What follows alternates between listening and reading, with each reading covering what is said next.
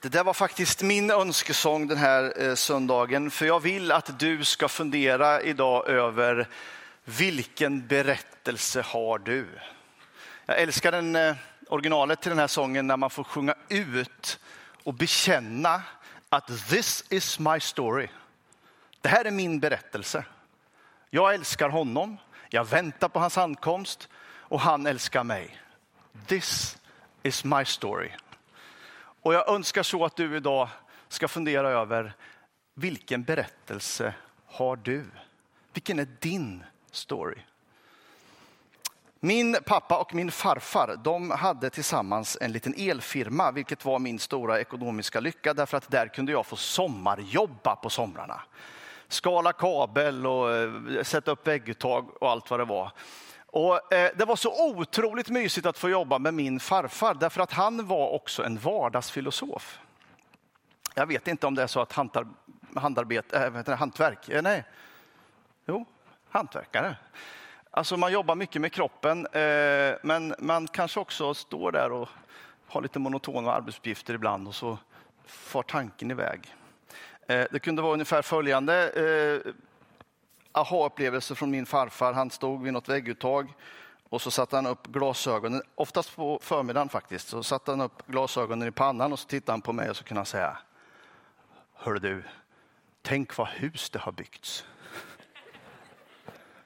tänkte man lite på det. Här. Man stod där som ung människa och liksom eh, eh, är i ett halvfärdigt hus. Det är en evighet, ett oöverstigligt arbete att få detta hus färdigt. Och så kommer han med den där, tänk, ja just det, det har byggt miljon, hur många hus har det byggts i världen? Och alla har blivit färdiga. Och så kunde man fundera på det där ett tag. Och så, en annan gång så gjorde han samma manöver på morgonen, eh, tog upp sina glasögon och så tittade han på mig och så sa han så här.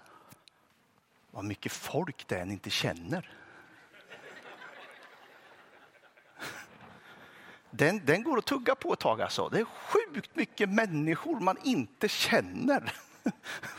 Jag känner några stycken, men tänk alla dessa miljarder vi har på vår planet. Jag känner dem ju inte. Och sen gick den dagen också. Jag tror det var det som var hans trick, att ge mig något att tänka på. Eh, och där någonstans skulle jag vilja kroka i farfars vardagsfilosofi. Varje gång vi firar nattvard, och det kommer vi göra idag, då kommer jag och våra andra församlingsledare, vi kommer se dig och vi kommer möta dig och så kommer jag tänka, jag känner inte dig. Vem är du? Vad har du i ditt hjärta? Vad, vad har Gud kallat dig till? Vad är dina gåvor? Till och med i sin egen församling kan man känna så. Vad mycket folk det är man inte känner egentligen, på riktigt. Eh, den här sommaren eh, och, och de sista veckorna här nu så har vi gjort i ordning en liten arbet, ett arbetsrum hemma och då har jag liksom samlat alla mina böcker i ett, eh, en liten bibliotekshörna där och så ägnade jag mig åt någonting som jag trodde skulle bli var astråkigt, nämligen sortera mina böcker. Eh, så det drog jag mig lite för att, att börja, ni vet, det blir rörigt i bokhyllorna genom åren, va? ni som har böcker, ni gamla människor som har böcker. Eh, och man har haft en, en, ordning en gång i tiden och så stoppar man in nya titlar och så försvinner det där. Och nu skulle jag sortera igen och jag sorterar inte i färgordning. Det är en styggelse. Det är blasfemi. Det tror jag Herren säger nej till. Eh, utan eh, det ska vara i tematisk ordning och i, i alfabetisk ordning efter författarens efternamn. Eh, men det där var en själens och andens tidsmaskin för mig. Det var så roligt. Du vet, författare som har format mig och han lärde mig om anden. Den här figuren, jag har ju massa av honom. Han, varför har jag läst så många böcker av honom? Och min gudsbild formades i den här titeln. Och sen så eh, hade jag, eh, det visste jag inte riktigt, men när jag fick sortera ut böckerna så hade jag ganska många biografier. Allt från Levi Petrus och Sven Lidman och Georg Gustafsson och våra pionjärer eh, till eh, Bob Dylan och John Lennon och Jenny Berggren. Det var en, en lång radda med personliga berättelser. Några hyllmeter, tänkte, eller en hyllmeter kanske. Eh, och så tänkte jag så här. Alla människors berättelse är värd att berättas.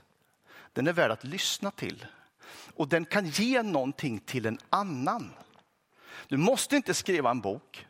Men din berättelse har betydelse för din granne. Och i ett visst ögonblick, i ett givet sammanhang, så kommer Gud att använda din berättelse. Och då vill det till att vi är redo. Och har reflekterat över allt det goda han har gjort mot oss. Och så fint att få börja gudstjänsten med att tacka Gud vad han har gjort i våra liv. Ehm, så där kan det gå till när en predikan blir till. Man tänker och vardagsfilosoferar. Och så ska man läsa bibeltexter och då vill jag utgå ifrån två stycken av Jesu lärjungar. Eh, kanske några av hans allra närmaste lärjungar som också tog sig an verket att skriva ner berättelserna i en bok efter det de hade varit med om ett liv tillsammans med Jesus så ville de formulera sig och skrev sina evangelier. Och de har några formuleringar som jag tycker är så fina språngbrädor för dig och mig när vi reflekterar över vår egen berättelse. Vi reser oss upp och så lyssnar vi på Johannes avslutning och Lukas inledning. Så här skriver Johannes i precis avslutningen av sitt evangelium. Petrus vände sig om och fick se att den lärjunge som Jesus älskade följde efter. Han som under måltiden hade lutat sig bakåt mot Jesu bröst och frågat vem som skulle förråda honom. Det är den lärjungen som vittnar om allt detta detta och har skrivit ner det. Och vi vet att hans vittnesbörd är sant. Jesus gjorde också mycket annat och om var sak skulle skildras för sig så tror jag inte att hela världen skulle rymma de böcker som då måste skrivas. Och så här inleder Lukas sin berättelse om Jesus. Många har redan sökt i en samlad skildring av de stora händelser som ägt rum ibland oss så som de har berättats för oss av dem som från första stund var ögonvittnen och blev ordets tjänare. Efter att ha grundligt satt mig in i allt ända från början har nu också jag beslutat att i rätt ordning skriva ner det för dig, högt ärade Teofilos, för att du ska förstå att de upplysningar du har fått är tillförlitliga.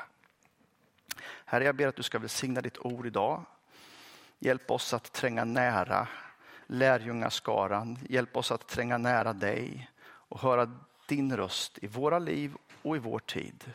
I ditt namn vi ber. Amen. Amen. Varsågod och sitt.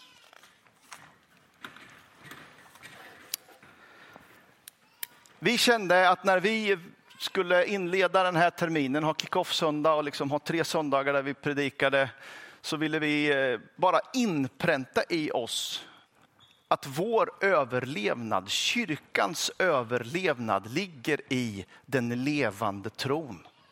Att tron frodas, att den får mogna, att den får växa till, att den får utlopp, att den får förkunnas och att evangeliet kommer ut.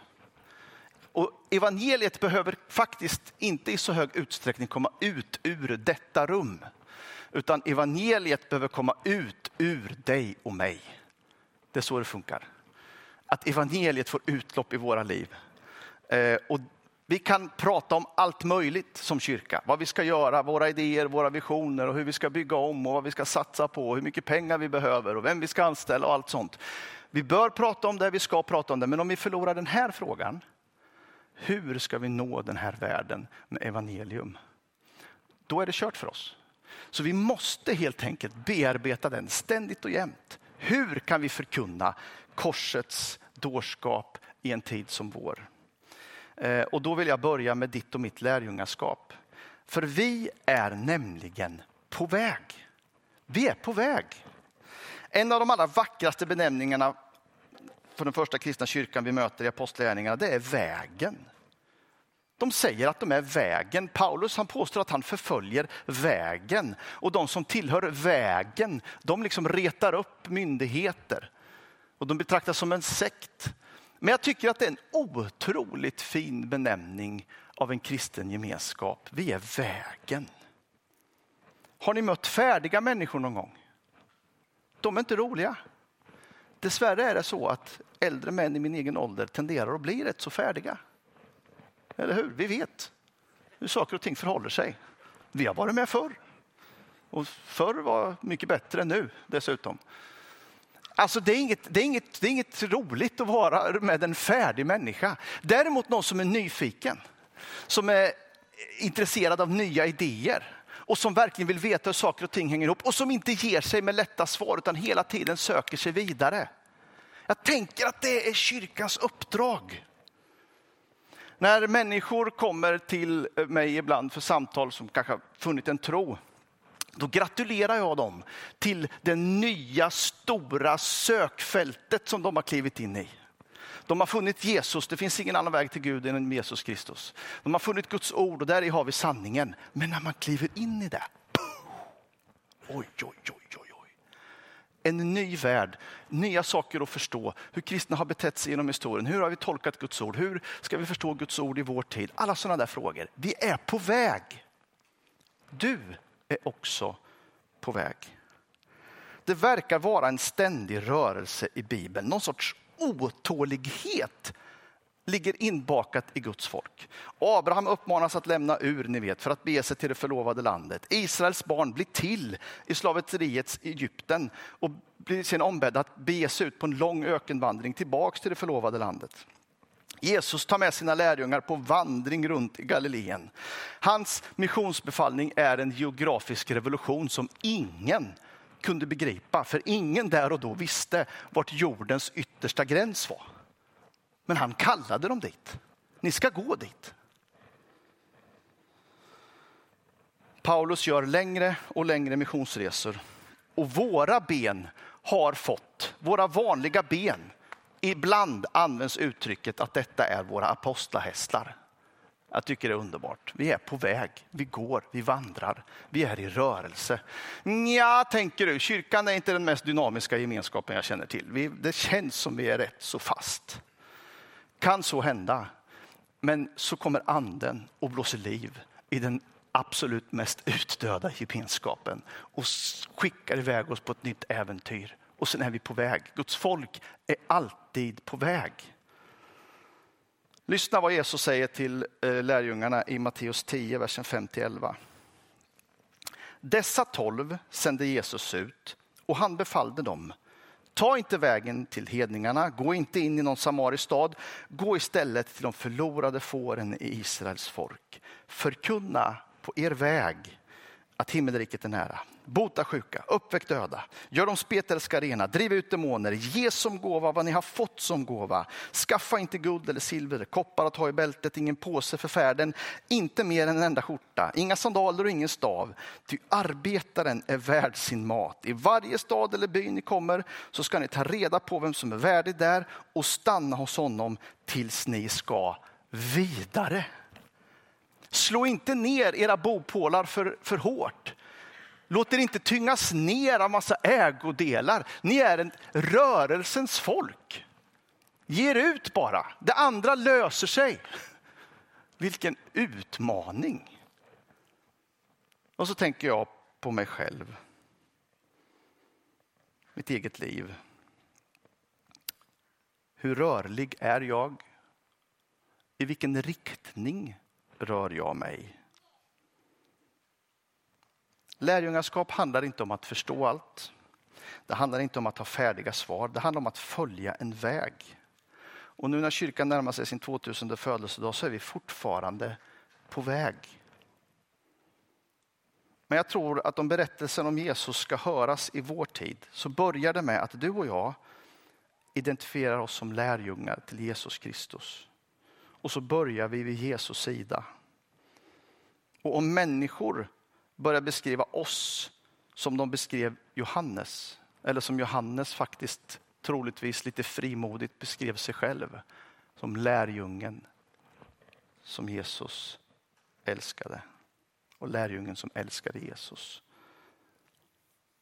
Det är den lärjungen som har vittnat om allt detta, som har skrivit ner det och vi vet att hans vittnesbörd är sant. Där börjar din och min berättelse när vi får luta oss mot Jesus, ställa våra frågor, våra funderingar, bedyra honom vår kärlek. Där börjar berättelsen för dig och mig. Och där börjar också din resa. Hur ser din och min berättelse med Jesus ut? Är Jesus viktig för mig?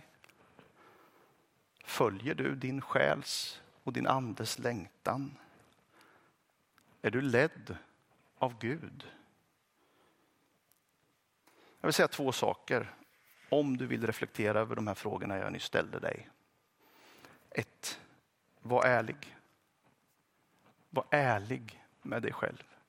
Kanske är du uppvuxen i kyrkan, uppfödd i kyrkan. Kanske har du tagit allt för givet. Kanske är det den sociala gemenskapen och tillhörigheten som håller dig kvar snarare än en genuin kärlek till Jesus. Så är det för oss alla i perioder. Det finns mängder av orsaker till att vi kommer hit. Och ibland kanske inte är kärleken till Kristus den främsta. Och då är vi burna av goda vanor och burna av gemenskapen såklart. Men vid tid och annan så måste vi luta oss mot Jesu bröst. Och ställa våra frågor och börja om vår resa i hans närhet.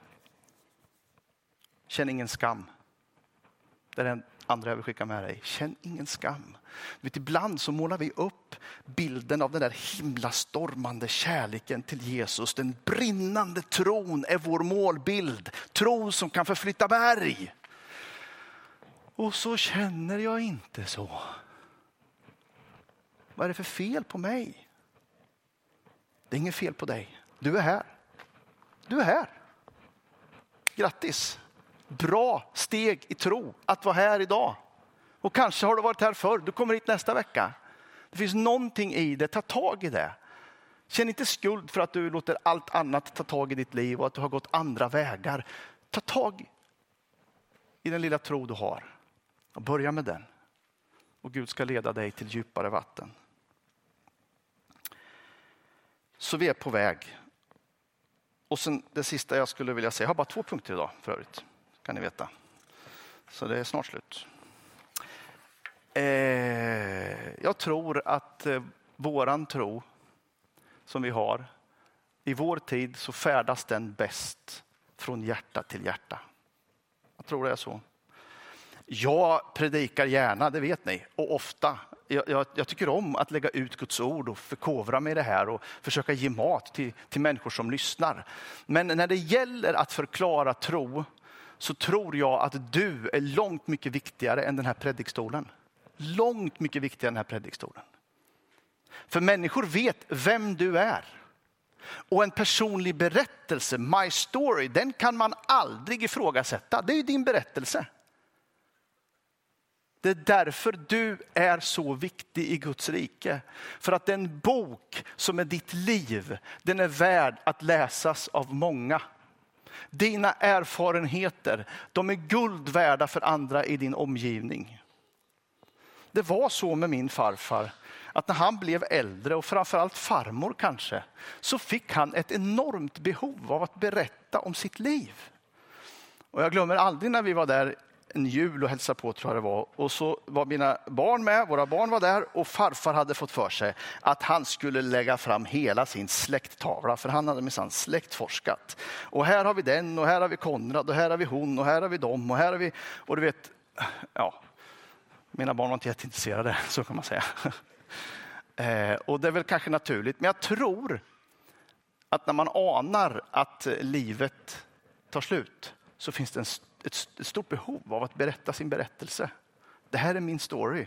Så här har jag haft det. This is why. Men jag tror inte vi ska vänta tills vi liksom anar slutet. Jag tror att dina barn och dina barnbarn behöver din berättelse nu. Dina grannar behöver din berättelse och framför allt så behöver de din berättelse om Jesus.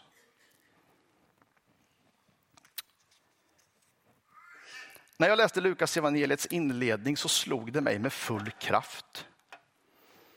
Denna mäktiga berättelse som har påverkat hela mänskligheten är i Lukas version ett privat brev. En liten paus. Man skulle kunna tänka att högt ärade Teofilos är ett litterärt grepp. Eh, Guds älskare, Gud älskare, Teofilos. Det betyder det. Det skulle kunna vara ett, ett sätt att säga sätta en liten personlig touch på brevet, men man menar många. Så kan man tänka. Jag tänker att Teofilos är en person. Jag kan ha fel, men jag tänker så. För det blir så vackert. Det blir ett sånt engagemang. Häromdagen fick jag något väldigt, väldigt exklusivt. Eller häromveckan var det. Jag fick ett personligt handskrivet brev. Och du vet, eh, för en som, det var nästan så att jag ställde mig upp där hemma när jag läste detta brev. Och så vackra bokstäver och jag tänkte, här, här har vi något unikt. Här har vi inte Times New Roman i något tråkigt digitalt format bara som någon har skrivit ner. Utan här är det en person som har valt ut ett papper, satt sig ner och med fin handstil, inövad genom många år, det är ju gamla människor som skriver brev, det är inte så för hand, så formulerades ett bud, ett, ett, ett, en hälsning till mig. Och det var som att när det kom från pennan, det är en, uppenbar, en liten uppmaning till er som inte tycker att jag lyssnar, skriv ett brev. Nej, men alltså, det var, det var, det var liksom, det var fint på något sätt. Det var från ett hjärta till ett annat hjärta.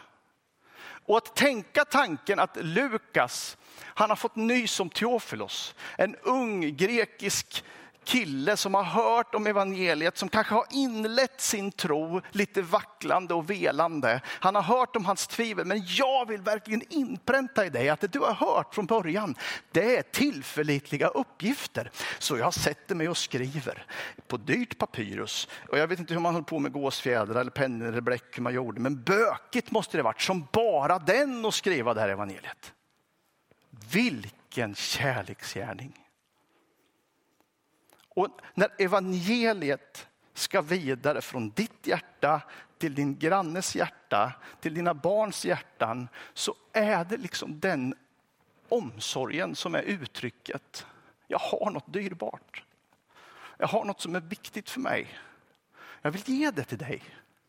Jag vill att du ska förstå vad Gud har betytt för mig, vad han betyder för för mig i framtiden, allt hopp jag har hos Gud, all trygghet jag har hos Gud. Jag vill att du ska ha det. Och hur ska jag förmedla det?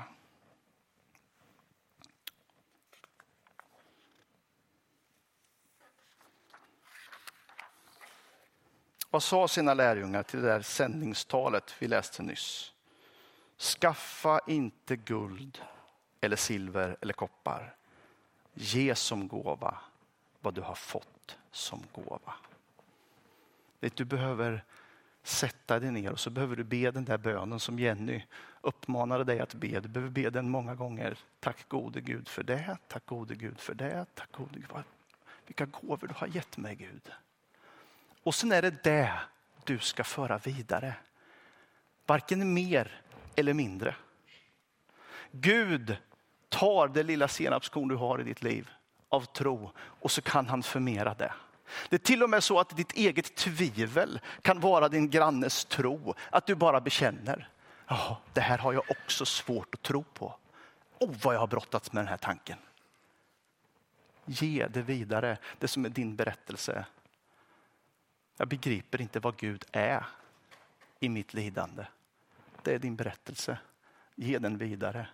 Eller jag har upplevt Gud gripa in i mitt liv och gjort ett mirakel. Det är din berättelse. Eller, jag börjar varje morgon med en kort bön till Gud. Det bär mig hela dagen. Det är din berättelse. Och den kan få sån avgörande betydelse för människorna i din omgivning. Ge som gåva vad du har fått som gåva. Och kanske är det den utmaningen som ekade Petrus i Apostlagärningarna 3 när han så frimodigt tillsammans med Johannes går upp till templet. Jag måste läsa den berättelsen ifrån Apostlagärningarna 3, versen 1-8. Petrus och Johannes gick upp till templet vid tiden för eftermiddagsbönen. Då bars det dit en man som hade varit lam från födseln och som man varje dag brukar sätta vid en ingång kallad Sköna porten så att han kunde tigga av dem som besökte templet. När han nu fick se Petrus och Johannes på väg in så bad han om en allmosa. De fäste blicken på honom och Petrus sa Se på oss. Se på oss. Mannen såg spänt på dem och väntade sig att få något av dem. Men Petrus sa, silver och guld har jag inte, men vad jag har, det ger jag dig. I Nazaren Jesu Kristi namn, stig upp och gå. Så grep han honom i högra handen, reste honom upp och med ens fick mannen stadga i fötter och vrister. Med ett språng var han på benen och började gå. Han följde med dem in i templet och han gick omkring och han hoppade och han prisade Gud. Vilken berättelse! Vilken, vilket, liksom, vilket åsknedslag av tro! Se på oss. Se på mig. Jag tror att vi behöver uppvärdera berättelserna i vårt liv. Du behöver inte gå och säga till alla, se på mig. Men din attityd behöver vara den. Det jag har fått av Gud, se på det. Jag kan visa dig. Gud har burit mig i hälsa och i sjukdom, i välgång och i motgång, i fattigdom och i rikedom. Se på mig. Och så kommer evangeliet att föras vidare från hjärta till hjärta. Jag är helt övertygad om det.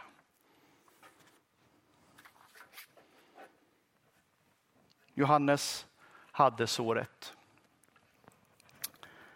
Det skulle komma att skrivas miljontals med böcker om Jesus och Jesusfolket och upplevelserna. Och det skrivs fortfarande böcker om vad Jesus har gjort i människors liv. Många menar att apostlagärningarna inte har något litterärt slut. Det slutar ganska tvärt, helt enkelt därför att berättelsen inte är slut. Den fortsätts att skriva hela tiden och din berättelse är en omistlig del i berättelsen om oss, om kyrkan. Och nu vill jag utmana dig idag. Kanske känner du att din berättelse är obetydlig. Gud vill sätta dig i rätt sammanhang där din livsberättelse får avgörande konsekvenser. Kanske känner du att din berättelse är full av misslyckanden och sår. Gud kan fylla det meningslösa med mening och hjälpa dig att acceptera det som har varit. Kanske vill du ta kontroll över din berättelse i framtiden. Gud vill ge dig kraft. Kanske vill du bara luta dig tillbaks mot Jesu bröst och så skriva din berättelse på ett litet annorlunda sätt framöver. Lite närmre Jesu hjärta. Då är du varmt välkommen med alla oss andra som kämpar kamp dagligen för att ta oss dit. Men idag är en ny dag och idag är Gud här och han vill möta dig Amen. Herre, jag tackar och lovar dig för att vi får vara i det här rummet tillsammans. Du känner alla livsberättelser i det här rummet. Du känner alla glädjeämnen, alla tacksägelseämnen. Men du känner också det som har varit svårt i livet, det som är frustration och det som är liksom hopplöshet. Men tack för att du är hoppets Gud och du kan fylla varenda berättelse med mening. Du kan fylla varenda människas liv med innehåll. Och om vi än är i de mörkaste situationer så kan vår berättelse få betyda så mycket för alla andra. Och jag ber att du ska sätta oss i funktion i vår stad. Här. Låt våra stories bara spridas till våra grannar, till våra, till våra liksom arbetskamrater, till våra skolkamrater. Gör det på ett ett, liksom, ett, ett naturligt och enkelt sätt där vi av den heliga ande får känna kraften i ryggen när vi går ut och möter vår stad, Herre. Sätt in berättelse i rörelse i vår stad, vi ber. I Jesu namn. Amen. Amen.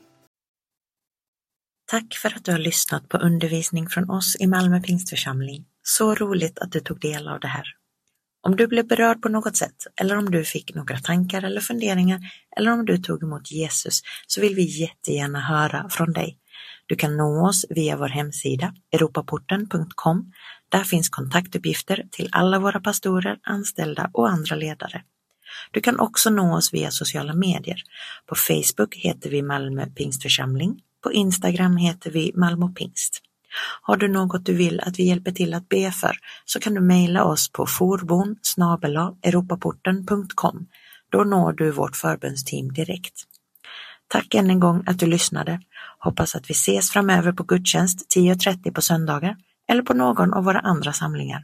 Känn dig varmt välkommen. Ha det så bra så länge och Gud välsigne dig.